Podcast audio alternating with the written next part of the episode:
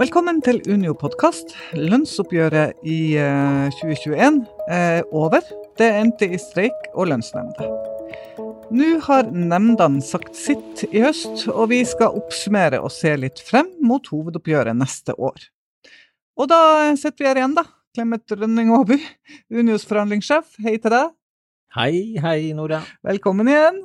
Du, eh, vi må oppsummere. Unio reagerte jo kraftig da fasiten for lønnsveksten 2020 kom i februar, mens Unios medlemmer forholdt seg til den nøysomme ramma som frontfaget satte for lønnsveksten 2020, som da var 1,7, havna industrien på 2,2, varehandelen 3,6 og finans på 2,9, altså. Det var bare offentlig sektor som forholdt seg til denne stramme ramma på 1,7, da. Arbeidsgiverne våre vendte det døve øret til, og ville ikke at arbeidstakerne deres skulle få ta igjen det tapte. Det endte med tre streiker i vår. Du har vært i de tre lønnsnemndene i høst, to tvungne i kommunesektoren og en frivillig etter sykehusstreiken.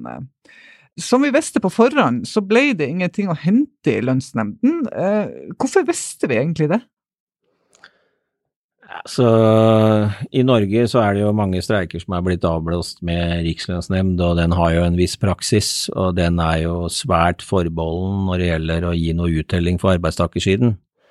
Uh, og det er klart at uh, den summariske behandlinga vi har fått i år i de to rikslønnsnemndene som har vært, er jo helt uh, meningsløs på mange måter. Vi kan jo bare hive inn støvla våre, så så vil du få samme behandling, på en måte. Så det er nesten likegyldig hva du sier eller gjør der. Dermed så blir dette Så vi, vi hadde vel ikke noe særlig store forhåpninger reelt sett, men det er klart det har vært viktig for oss å få vist den frustrasjonen som er i medlemsmassen om den lave uttellingen i lønnsoppgjørene som utdanningsgruppene i offentlig sektor har fått. Uh, lærere, sykepleiere, ergoterapeuter, fysioterapeuter og andre saksbehandlere og alt med høyere utdanning i offentlig sektor som vi representerer. Og det er den lovlige måten vi har adgang til å få utløp for den frustrasjonen, og, og det blir da eh, lagt ned lovforslag om tvungen lønnsnemnd. Det, det, er jo en del av systemet for lønnsdannelse i offentlig sektor i Norge, så og den streikeretten kan du jo si er mer eller mindre reell, men vi fikk nå i hvert fall gitt et kraftig signal om at uh, nok er nok. Uh, og det bør man jo merke seg. Ja, Men penger fikk vi ikke ut av det? Jeg fikk ikke penger nå, men de som ikke har fulgt med i den frustrasjonen som er, bør forberede seg på det.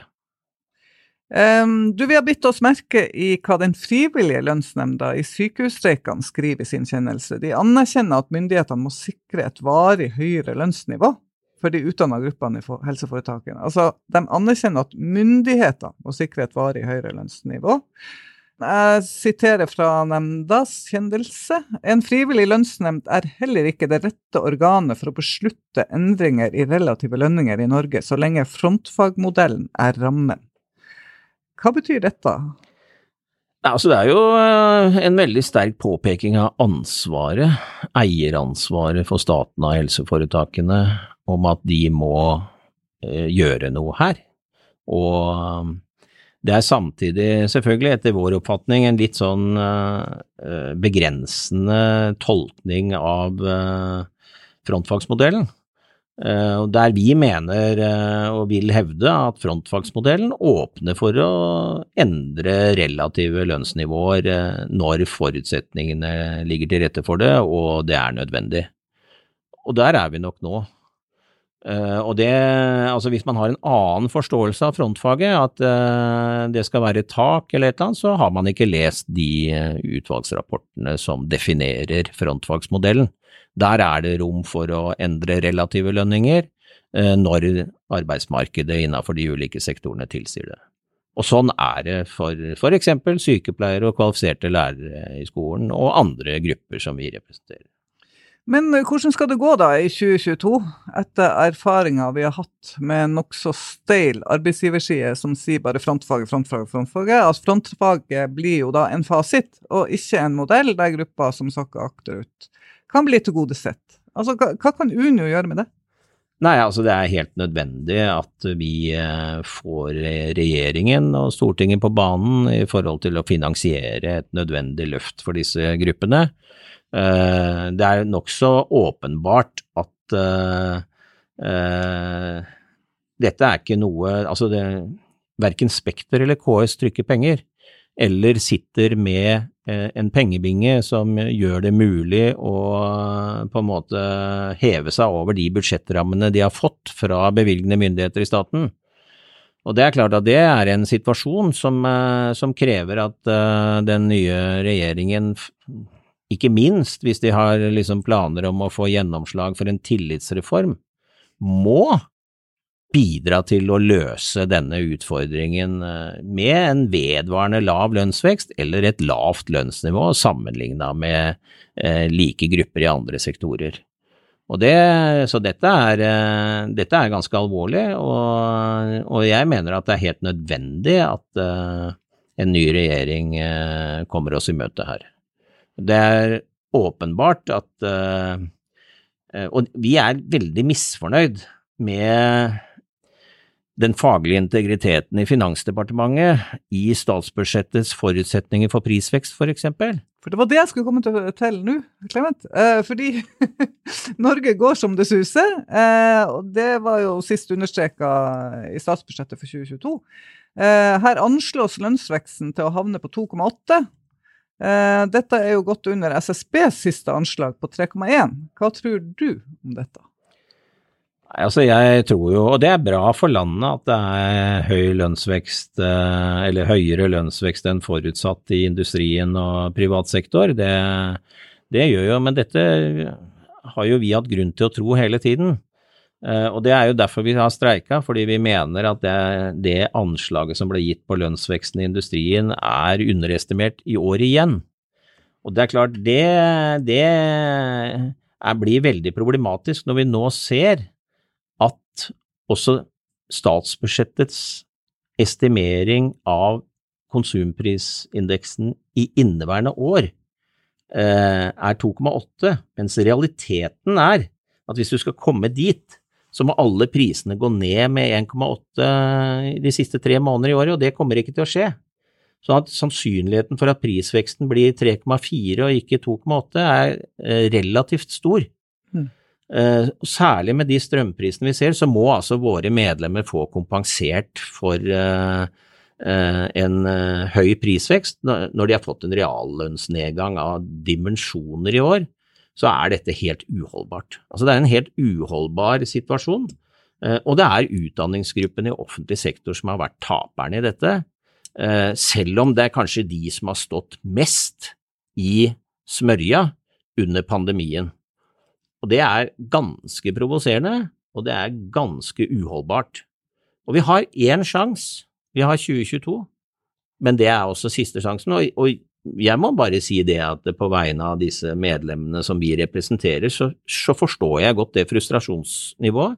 Og vi klarer ikke å håndtere den frustrasjonen eh, med mindre det gis en skikkelig bra uttelling i kommende oppgjør. Og gjøres det ikke det, ja, så blir dette Da kan man bare glemme motiverte folk ute i skolen, ute i primærhelsetjenesten og sånn, og de vil eh, ikke ha den motivasjonen som er nødvendig for å understøtte framtida i Norge med godt kvalifiserte unge mennesker som kommer inn i utdanningssystemet eller eh, i arbeid med god kompetanse på alle måter. Det er altså en forutsetning for at vi skal klare det grønne skiftet, at vi får tilgang, altså får, har en god skole og en god eldreomsorg og en god helsetjeneste eh, i dette samfunnet for at du skal kunne klare dette grønne skiftet inn i en ny virkelighet. Og da må vi bruke lønn?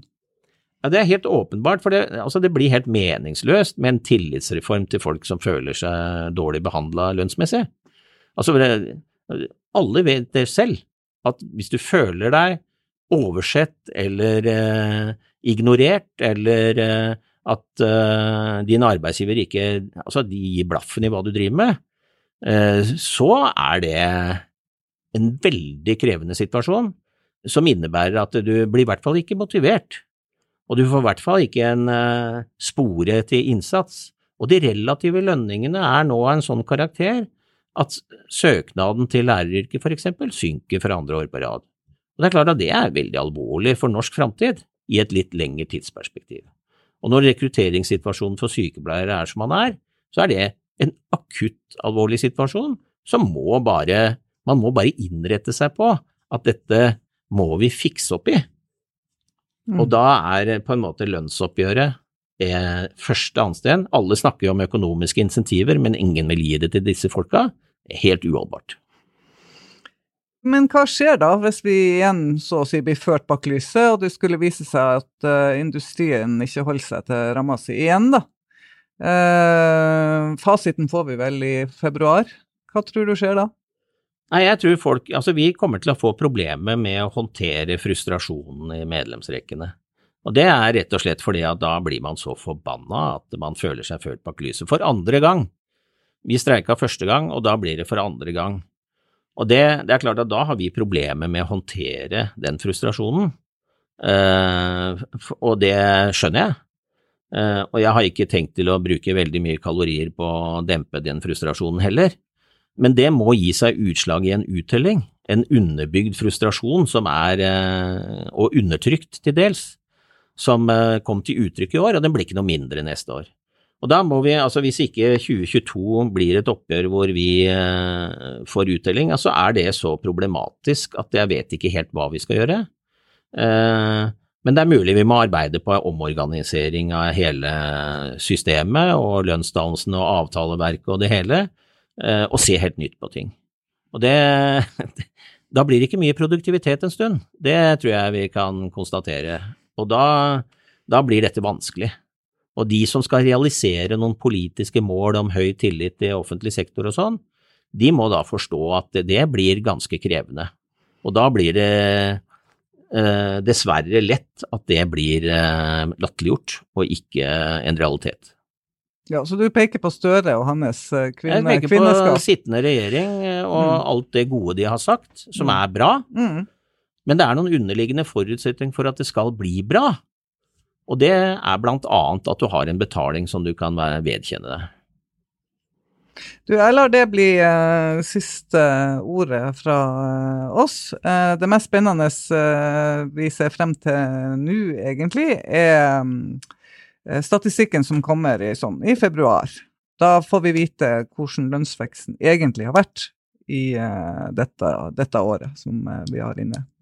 Nå rakk Clemet opp handa. Han vil si, si ja, noe. altså jeg tror at uh, det er veldig viktig å være klar over at streiken uh, grunna seg i år også på at det var det vi mente var en underestimering. Og det ble blankt avvist av samtlige arbeidsgivere i staten. Og hvis det viser seg å slå til At vi får rett? Ja Mm. Da må de arbeidsgiverne snu seg om og bidra til at de økonomiske forutsetningene for oppgjøret gjør at våre krav kan innfris. Du, det var en veldig god punchline. Eh, vi kommer til å treffes igjen i dette uh, Unio podkast-studioet. Eh, så langt takker jeg til deg, Clemet, og takk til deg som hørte på. Flere Unio-podkaster finner du der du hører podkaster, eller gå inn på unio.no slash podkaster. Vi høres.